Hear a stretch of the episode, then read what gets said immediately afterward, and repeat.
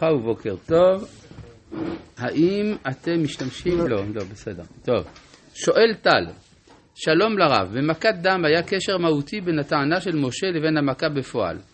מה הקשר בין מכת הערוב לבין הערבבות עם ישראל? האם זה רק שם דומה? תודה. לא, הערוב מעורבב והוא מתערב. במיוחד אם נאמר שמדובר, לפי השיטה שמדובר בפשפשים, אז uh, ברור שזה עוד יותר מתערב באדם, אז יש פה עניין של קשר מהותי. עכשיו, אנחנו ממשיכים בפרק ט', ואנחנו הגענו לפסוק כ"ט. Uh, ויאמר אליו משה, קצאתי את העיר, אפרוס את כפיי אל השם, הקולות יחדלון.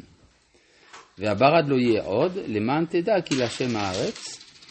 זאת אומרת שהקולות יחדלון, אבל יחזרו. יחזרו במעמד הר סיני, כך אמרו המפרשים. אבל יש פה, אה, זה עוד אה, סיוע לאמירה שהמכות הן מתגלות. וכאן יש תוספת מוזרה, לא מוזרה, חשובה, ואתה ועבדיך ידעתי, כי טרם תראון מפני השם אלוהים. עכשיו, הביטוי השם אלוהים בדרך כלל, כשכותבים השם אלוהים בתורה, אז יש בהתחלה שם אדנות ואחרי זה שם הוויה בניקוד אלוהים, ואז קוראים את זה אדוני אלוהים. אבל פה השם אלוהים כתוב י"ק ו"ק, ואחרי זה אלוהים א' ל' ה' י' מ'. איפה מצאנו את הביטוי הזה? מצאנו אותו במעשה בראשית. כן? זה כמעט, יש עוד פעם אחת שזה מופיע בתהילים ופה. זאת אומרת, הביטוי הוויה אלוהים שייך במהות למעשה בראשית. עכשיו, מה זה אומר? זאת אומרת, אתם יראים מפני השם, אבל עוד לא יראים מפני השם אלוהים. מה זה אומר? שיש כאן טענה של פרעה שיכולה להישמע, כי הרי לכאורה, אחרי שבע מכות, יש, אה, כבר לכאורה אין טעם. אה, לסרב להוציא את ישראל ממצרים, כי הוכח מהו הייחוד של עם ישראל ומעלתם של ישראל לעומת מצרים. ואז למה באמת עדיין פרעה צריך עוד שלוש מכות? התשובה היא שפרעה יכול לבוא בטענה שאף אחד לא טען אותה עד עכשיו, והיא שזה נכון שבהיסטוריה התברר שיש לעם ישראל ייעוד וייחוד מיוחד ואפילו עליונות. אבל האם הייחוד הזה היה מתוכנן כבר במעשה בראשית? אולי כשהקדוש ברוך הוא ברא את העולם, עדיין לא הייתה החלטה להבדיל את ישראל ממצרים. אז זאת אומרת שפרעה שואל שאלות של טרם, בטרם הרים יולדו. והוא שואל את השם אלוהים. כלומר, האם השם אלוהים, זה שברא את העולם, כפי שמופיע בפרשת בראשית, האם אותו השם אלוהים מבדיל בין ישראל למצרים? וזה עדיין לא הוכח, ולכן אפשר לפתוח את ההיסטוריה מחדש, מההתחלה.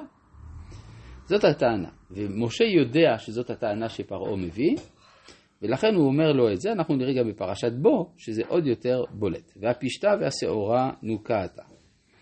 כי השעורה אביב והפשתה גבעול.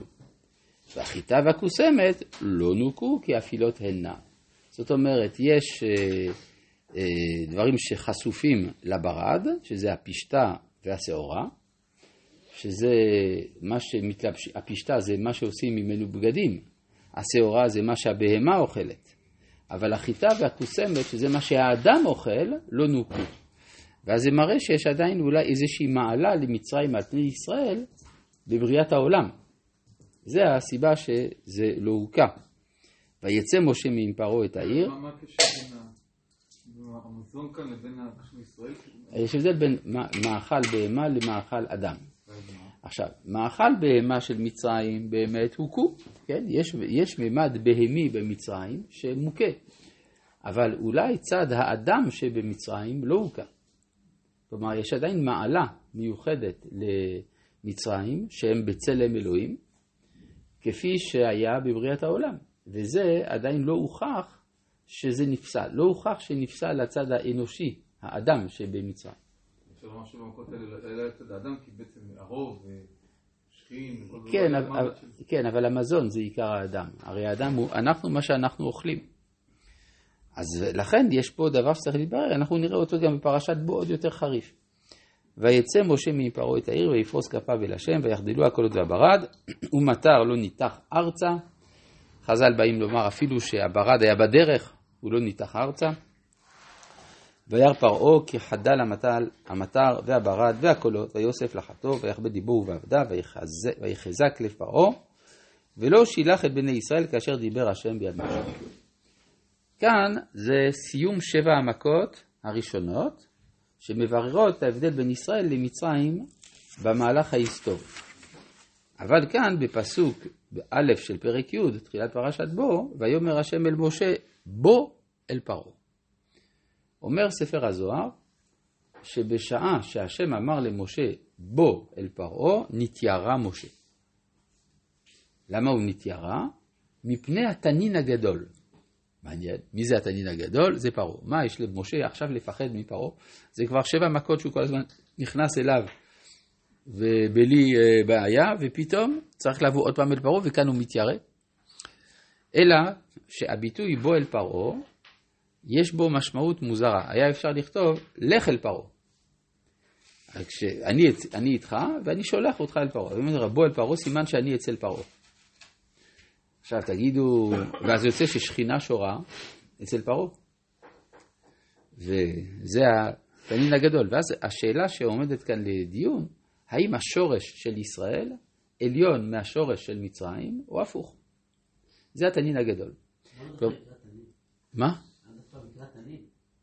התנין הגדול, טוב, זה בגלל שמצרים היא, תנין זה, זה נחש. כן, היא מייצגת את השלב הקדום של האדם, שזה הנחש לפני צלם אלוהים. כן, קולק הנחש ילך וכולי. אבל השאלה, אבל הביטוי בוא אל פרעה כבר נאמר מקודם. למ, מה פתאום הזוהר אומר שכאן הוא התיירה ויש כתוב בו? הרי מצאנו, במכות הקודמות גם כן נאמר בוא אל פרעה. אבל ההבדל הוא שבמכות הקודמות נאמר בוא אל פרעה ותגיד לו כך וכך. כלומר, אתה בא בשביל משימה ספציפית. כאן כתוב בוא אל פרעה ולא כתוב בשביל מה. אבל לא כתוב מה הוא צריך לומר לו. בוא אל פרעה, כי אני הכבדתי את ליבו וכולי. זאת אומרת שפה הביאה הזאת היא ביאה עצמית, ביאה מהותית, ולכן יש כאן מקום להתיירא כדי לדעת מה אה, בעצם האנושות האידיאלית, האם זה מצרים או ישראל, והשאלה הזאת מעולם לא נשאלה לפני כן.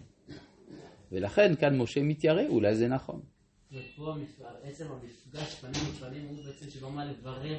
הוא. נכון, לא, כלומר, המפגש פנים אל פנים מראה שמדובר במשהו מיוחד. זה הכוונה.